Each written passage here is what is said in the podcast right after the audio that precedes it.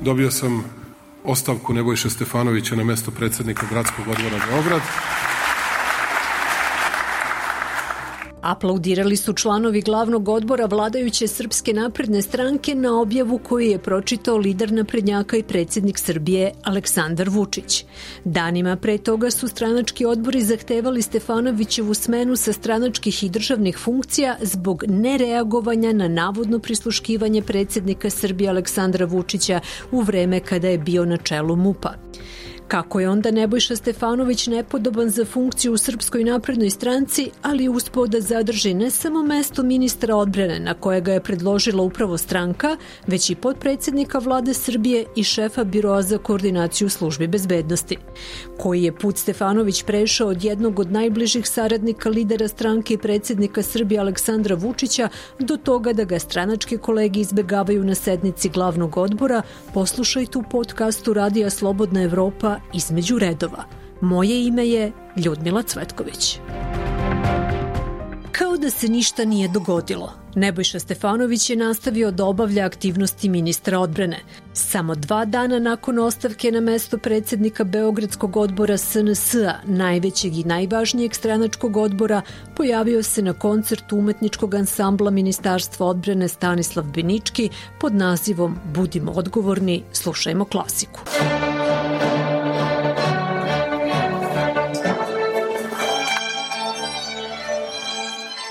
Divno veče na koncertu koji je čuveni ansambl darovao uz besplatan ulaz građanima, napisao je Stefanović na Twitteru.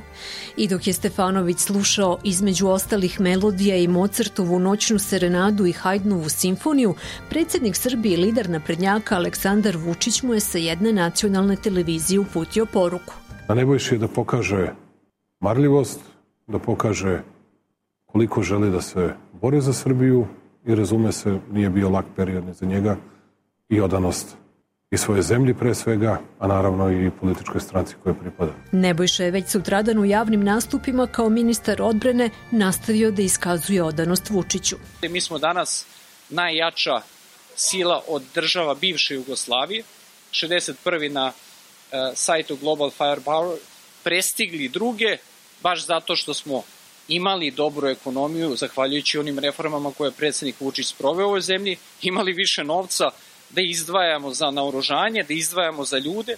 Upada u oči da je Stefanović u stranci prozvan za navodnu odgovornost za prisluškivanje predsednika pre nego što se o tom izjasnilo tužilaštvo, na primer kao i kako je moguće da Stefanović zbog takvih navoda bude nepodoban za stranku, ali jeste za vladu, tim pre što se nalazi na čelu Biroa za koordinaciju službe bezbednosti, zašto ga je upravo Vučić imenovao krajem 2017. Glavni odbor jedne stranke može da se bavi unutar partijskim poslom, a ne može da se bavi radom institucije i ne može da se bavi time šta će da rade sudovi i tužilaštvo. To je bilo objašnjenje lidera SNS i predsednika države Aleksandra Vučića dato na TV Happy, a premijerka Srbije Ana Brnabić je na pitanje novinara o Stefanovićovoj budućnosti u vladi poručila. Svim ostalim stvarima ćemo nastaviti da se bar, bavimo unutar stranački, Kada kao stranka dalje donosimo neke odluke, tada ćemo ih saopštavati, ali, ali zaista nekako špansku seriju toga nećemo praviti kao ozbiljna stranka i ja se na to više neću osvrtati.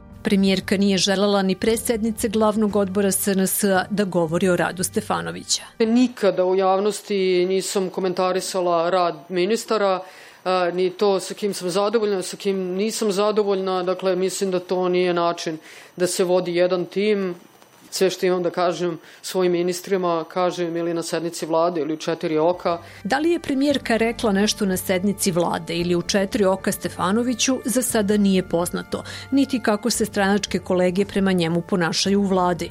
Primetno je bilo da su na sednici glavnog odbora SNS oko Stefanovića bila prazna mesta. Do njega je sedela samo Biljana Popović-Ivković, nekadašnja Stefanovićeva savjetnica za medije, a potom i državna sekretarka u Ministarstvu unutrašnjih poslova poslova. Što se tiče stranke, Vučić je 4. juna izjavio da je on odlučio da Stefanović ostane u partiji, iako su se lokalni odbori izjasnili suprotno.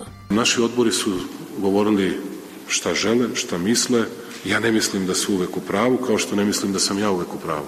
I tu smo da jedne druge korigujemo. Već neko vreme su u delu medija i na društvenim mrežama spekuliše da postoji sukob između kumova Vučića i Stefanovića, da Stefanović želi da zameni Vučića, te da lider naprednjaka ne sme da smeni svoju nekadašnju desnu ruku jer Stefanović navodno posjeduje informacije ili materijal koji bi Vučića mogli da kompromituju. Ovo poslednje komentarisao je na TV Pink narodni poslanik i član predsedništva SNS-a Vladimir Đukanović. Gledajte ljudi, da li ste vi normalni? Znači, da li ste vi normalni? Ako da je hteo, mogu ja ne znam šta da mu radi, ali ljudi, postoji ovde nekad nešto što morate da da shvatite neko je možda nešto i pozitivno radio u životu, pa i to se ceni. Gospodin Stefanović je i dosta toga pozitivnog uradio, uzmimo to pozitivno. Sad sve ovo drugo i sve te stvari i oko tog prisluškivanja i oko svega ovoga. Ja lično sad kad bi rekao, rekao bi da, Aleksandar Vučić ima možda taj problem što je jako bolećiv čovjek, ali nismo mi da sudimo na kraju kreva gospod sudija i ovde postoje neke nadležne državne organi. Ako tužilaštvo bude nešto pokretalo sudovi pa neka rade svoj posao, nismo mi ti koji bi trebalo da sečemo glave. Ali je istovremeno rekao i ovo. U politici pre svega morate da imate realne ambicije da shvatite koliki vaš je realni domet. Stefanović je u više intervjua govorio da nema ambiciju da se kandiduje na mesto predsednika Srpske napredne stranke kao ni da bude premijer. Čak je rekao da ne vidi sebe u vrhu stranke kada Vučić ne bude bio na njenom čelu. Vučić je naime od stupanja na funkciju predsednika Srbije više puta najavljivao povlačenje sa stranačke funkcije.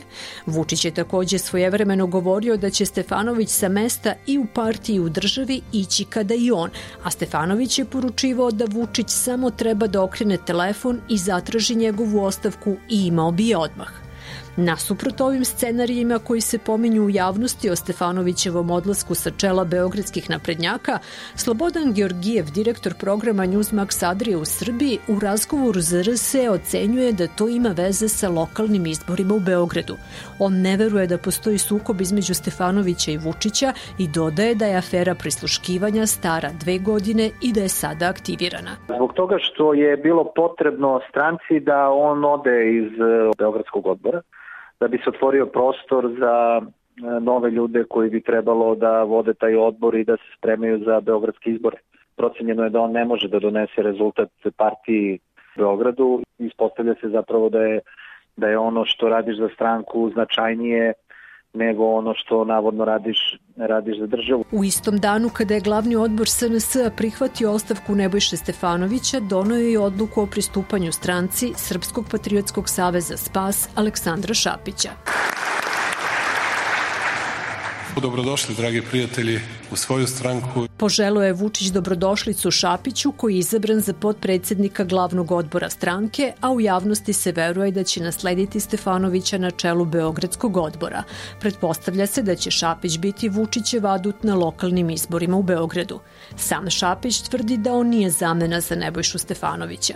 On je za Newsmax Adria upravo u razgovoru sa Georgijevim rekao da su se događaj više spletom okolnosti poklopili, navodeći da neko vreme nije bilo sednice glavnog odbora zbog epidemije koronavirusa. Mesto potpredsednika stranke, to je glavnog odbora, je bilo upražnjeno. Nije, nisam ja nikoga zamenio a Nebojša Stefanović je bio predsednik gradskog odbora. U danu pristupanja SNS u Šapić, koji je predsednik opštine Novi Beograd, nije dao konkretan odgovor novinarima na pitanje da li će voditi gradski odbor Beograda.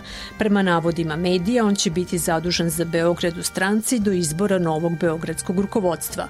Upitan ako je Stefanović sklonjen da bi se napravilo mesto nekom drugom u Beogradskom odboru, zašto je bilo potrebno da se targetira saopštenjima stranačkih kolega, Georgijev odgovor odgovara zato što bi onda trebalo da se kaže da neko nešto nije dobro radio. A oni to naravno da ne mogu da kažu. Na šta bi ličilo da oni ovaj, kažu uh, mi u Beogradu nismo radili dobro. Pa neće biti onda da je samo Stefanović uh, odgovoran.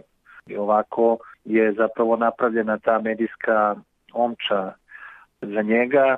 Ne sme da se govori uh, mi nećemo pobediti, nego ono, izmislit ćemo neki razlog da bismo tebe smenili. Ne zato što ti ne može da nam doneš pobedu, nego eto zato što si možda radio stvari koje nisu dozvoljene. A kad ćemo saznati koje su to stvari? Pa dobro, to ćemo saznati nekad kad se sprovede neka istraga i tako u krug. A kako je došlo do ostavke Nebojša Stefanovića? Glavni odbor vladajuće Srpske napredne stranke prihvatio je na sednici održanoj 29. maja u Beogradu ostavku Nebojša Stefanovića, aktuelnog ministra odbrane Srbije, na mesto predsednika Beogradskog odbora te stranke. I mi ćemo naše odnose da rešavamo unutar naše stranke.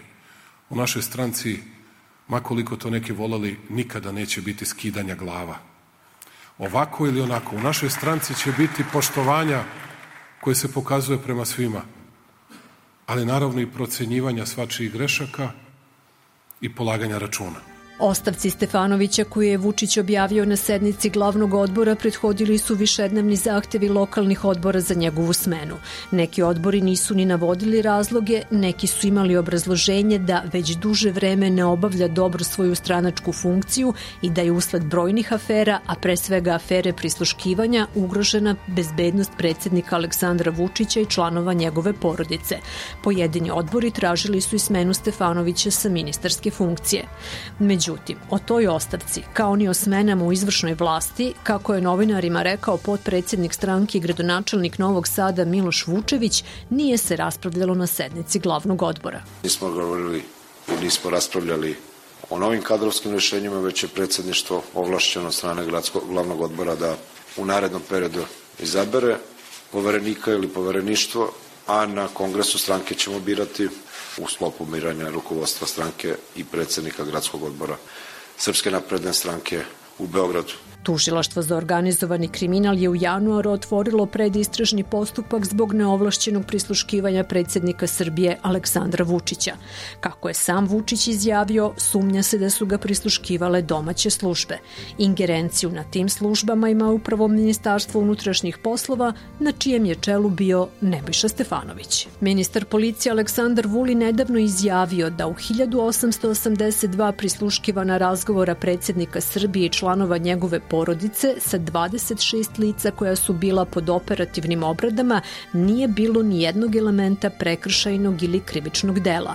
Vulin je 19. marta na Pinku rekao da su delovi MUPA zloupotrebljavali ovlašćenja. Što odu kod nadležnog sudije, traže od njega mogućnost prisluškivanja ovog ili onog lica, kažu, znate, on je kriminalac ovakav onakav, mi tražimo mere da bismo, da bismo pratili njegove kriminalne aktivnosti, sudija vam izda odgovarajuće rešenje, a vi to radite Ne zato što je taj neko kriminalac, već zato što znate da će se čuti sa Aleksandrom Vučićem ili nekim od članova njegove porodice. Vučić je krajem maja u pomenutom TV intervjuu rekao da je prisluškivanje predsednika države definicija državnog udara. Zato što je neko mislio da će moći da prikupi ucenjivački materijal i da će moći da kaže, e, ajde ti, Čiča, sad se skloni odavde, vreme je za nas, Da, neko od mojih saradnika i istovremeno neki od stranaca. To bez stranaca nije išlo. Međutim, Vučić do sada nije objavio ko je u pitanju od njegovih saradnika. Svojevremeno izjavio da ne misli da je ministar odbrane Nebojša Stefanović uvezan sa organizovanim kriminalom,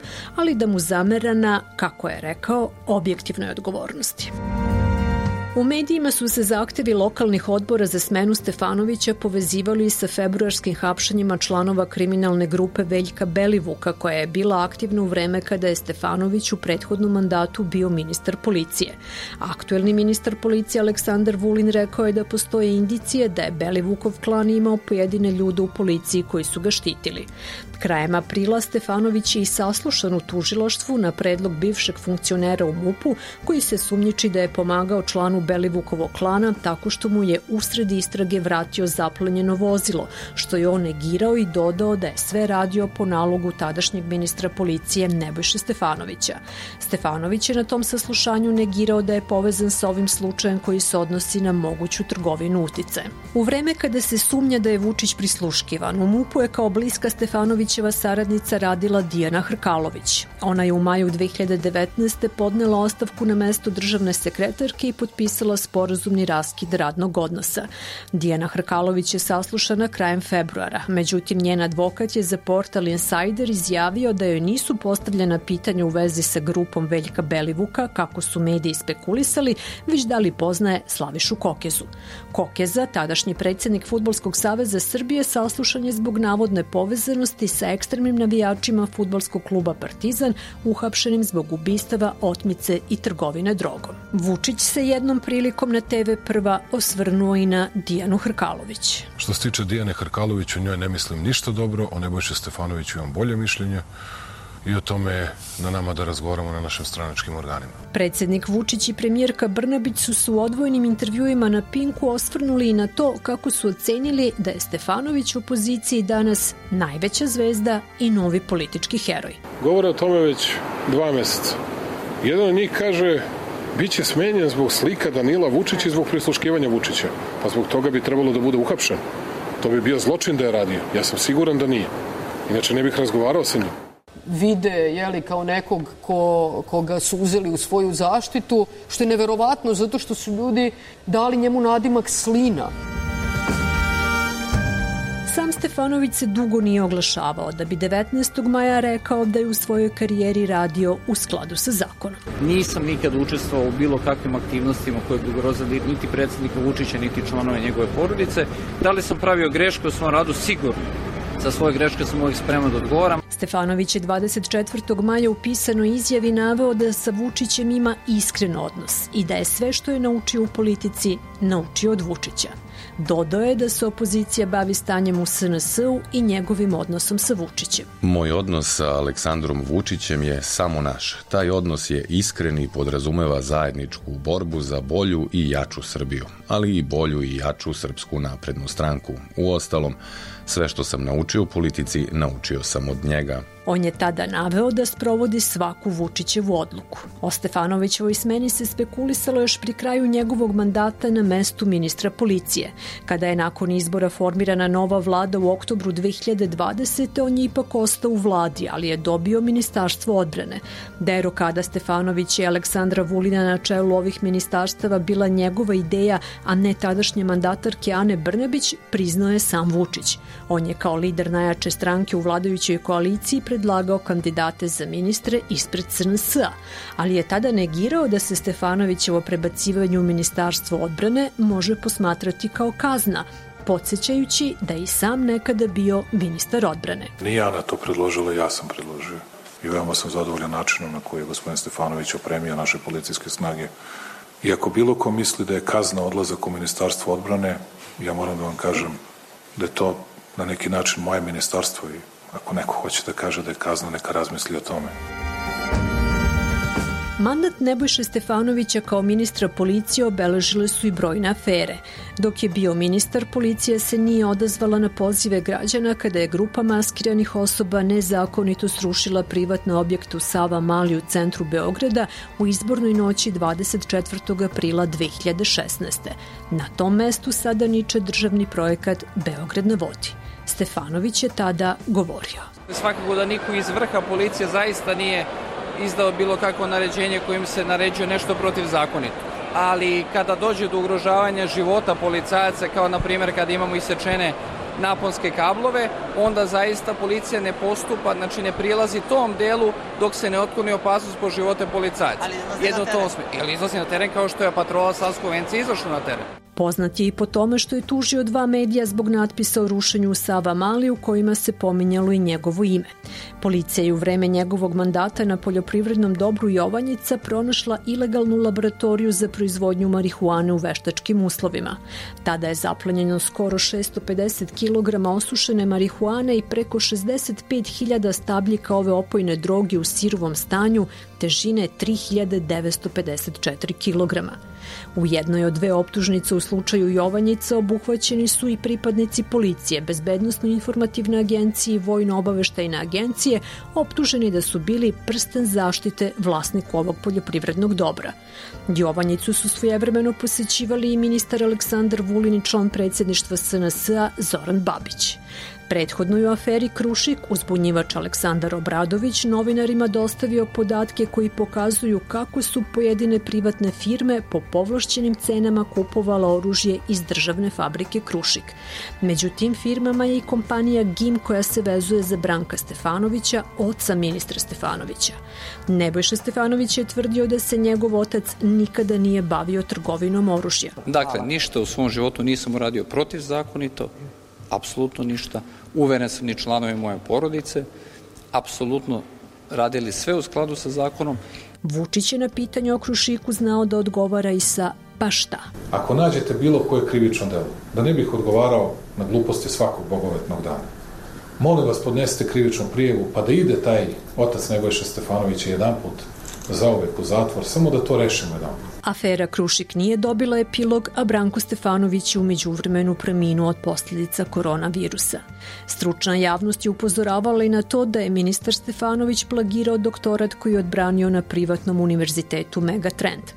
Stefanović je tvrdio da je doktorski rad pošteno uradio, poručivši da su navodi o plagijatu napad sa političkom pozadinom i da reformu policije niko neće zaustaviti. Umeđu vremenu se ispostavilo da je diplomirao na Megatrend International Expert Consortium Limited, privatnoj firmi registrovanoj u Londonu, a da mu je Fakultet za poslovne studije Univerziteta Megatrend u Beogradu tu diplomu priznao kao fakultetsku. Moji roditelji mi nisu školu u Londonu, ja sam se školu u Republici Srbiji. Predavanja su bila u Sava centru su se održavala, dakle veliki broj ljudi ih išao na tom i u skladu sa zakonom je sve urađeno. Univerzitet Megatrend saopštio je da je Nebojša Stefanović zakonito završio osnovne magistarske i doktorske studije na tom univerzitetu. Vučić je tada ocenio da je Stefanović sve uradio po zakonu, a za premijerku Brnabić su navodio Stefanovićevoj diplomi bili glupost. Nijedna od ovih afera nije uticala na Stefanovićevu poziciju ni u vladi, ni u stranci. Nebojša Stefanović je u politiku ušao kao član Srpske radikalne stranke, čiji je lider haški optuženik Vojislav Šešelj. U toj stranci je bio zamenik generalnog sekretara Aleksandra Vučića. Na parlamentarnim izborima 2007. izabran je za narodnog poslanika. Bio je jedan od osnivača Srpske napredne stranke proistekle iz Srpske radikalne. Osim članstva u predsjedništvu i čelnog mesta u Beogradskom odboru, u SNS-u je jedno vreme bio i potpredsednik stranke. Nakon izbora 2012. izabran je za predsjednika Skupštine Srbije gde je ostao do aprila 2014.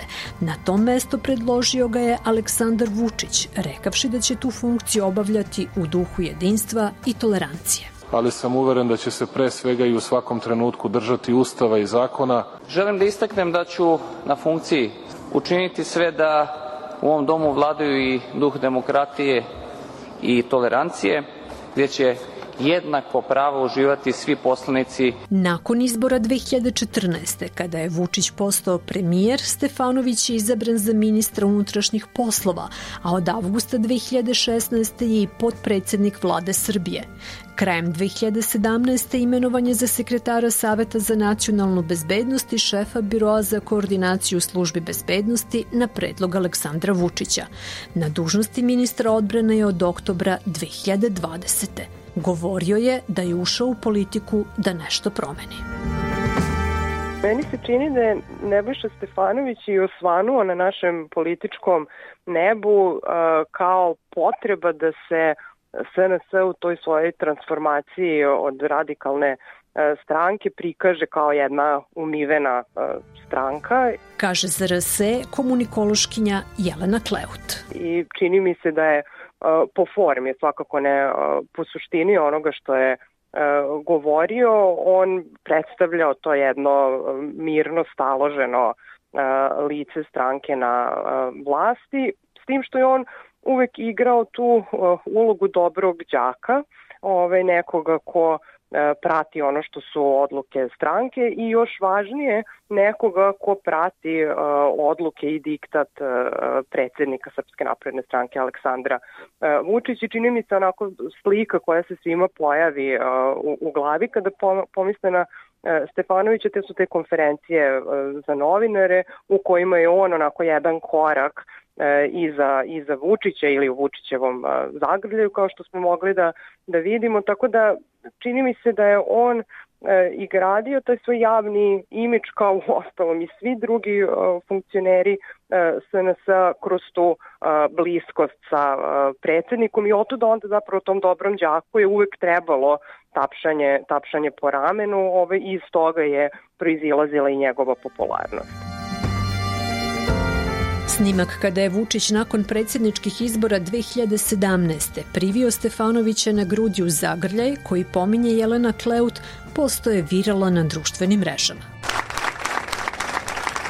Slično se dogodilo i sa nekim od izjava Nebojše Stefanovića, kao što je na primjer ona iz oktobra 2016. kada je policija objavila da je u blizini roditeljske kuće premijera Vučića pronašla veću količinu oružja. Mi smo povezali neka lica sa nekim prostorima, neka lica smo povezali sa nekim predmetima, neka lica smo povezali sa drugim licima koje su bilo umešano u takva dela, ali kad bih vam rekao ko, gde, šta i kako, ja bih upozorio šta znam. Pamti se i njegovo prebrojavanje demonstranata na antivladinim protestima u zimu 2018. Ne možete vi staviti osam ljudi po kvadratnom metru. Zna se tačno koliko može da stane. Na kraju krajeva imate od dvoje odraslih ljudi u zimskim jaknama. Stanite pa izračunajte, da vam ja ne kažem, izračunajte vi koliko može da stane, a da hodaju. Dakle, broj redova ljudi koji se nalaze ovde, tih redova ukupno ima oko 120 prosečno 35 ljudi u redu, dobijete cifru od 4200 ljudi. Svojevremeno je replicirajući opoziciji pomešao pisce bajki Hansa Kristijana Andersena i braću Grimm. Prosto mi se čini nekada ljudi pred spavanje kad nemaju Andersen, braću Andersen ili, ili bilo šta slično uzmu i sami izmišljaju neke bajke koje posle plasiraju novine. Ništa manje zapaženo nije prošlo ni njegovo pravdanje kada je napisao na Twitteru. Lapsus lingve nastaje pod uticajem semantičke bliskosti. Moj je spontana reakcija na nečiju pojavu konfabulacije, bogatih lažnih sećanja. Iako je događaj od pre 15 godina i ovih dana se prepričava njegovo uključivanje kao gledaoca u emisiju Utisak nedelje, kada je u oči lokalnih izbora u Beogradu jedan od gostiju bio Aleksandar Vučić. E, dobro večer, izvadite. Dobro večer, Nebojša iz Beograda. E, želeo bih da glasam za predlog broj 7. Dobro. E, zato što sam uveren da, da gospodin Vučića Beograd nije tajna i da njegovo znanje i njegova energija, da kažem njegov graditeljski, rekao bih, potencijal su nova nada za sve Beograđane, pogotovo nas mlađe i siguran sam da ćemo biti sjajan gradonačelnik. Hvala vam. Kasnije za list Nedeljnik ovako objasnio taj svoj potez. Ja sam se javio i predstavio svojim imenom. Javio sam se zato što je tada bio veliki broj nameštenih gledalaca, pa je u tim emisijama izgledalo da je 10 protiv 0 protiv Vučića, a hteo sam da pokažem da nije tako. Ali i ne samo to. Gde sam tada mogao da iskažem svoj stav. Ne samo ja, bilo ko iz tadašnje opozicije.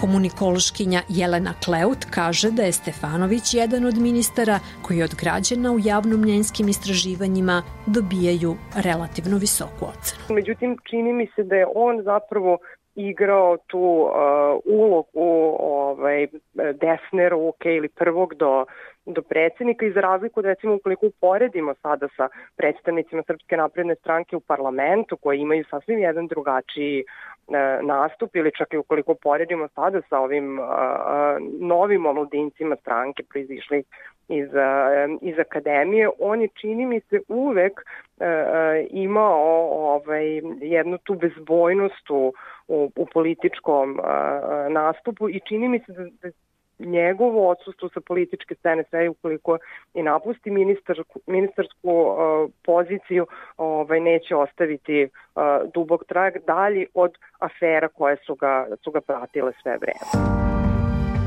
Nebojša Stefanović, dok je glavna tema u stranci i javnosti, ne pokazuje uznemirenost i nervozu u javnim nastupima.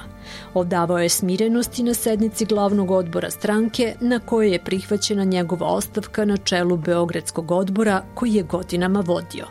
Da li će to biti dovoljno da utihnu glasovi protiv njega? Deluje da je nastupilo zatišje. Sam Stefanović je početkom godine u jednoj TV emisiji zabavnog tipa poručio ja sam tip koji ne priznaje izgubljenu bitku. Dakle, ne postoji takva. Znači, samo možda ima ona koju još nisam dobio. Bio je ovo podcast Radija Slobodna Evropa između redova. Moje ime je Ljudmila Cvetković.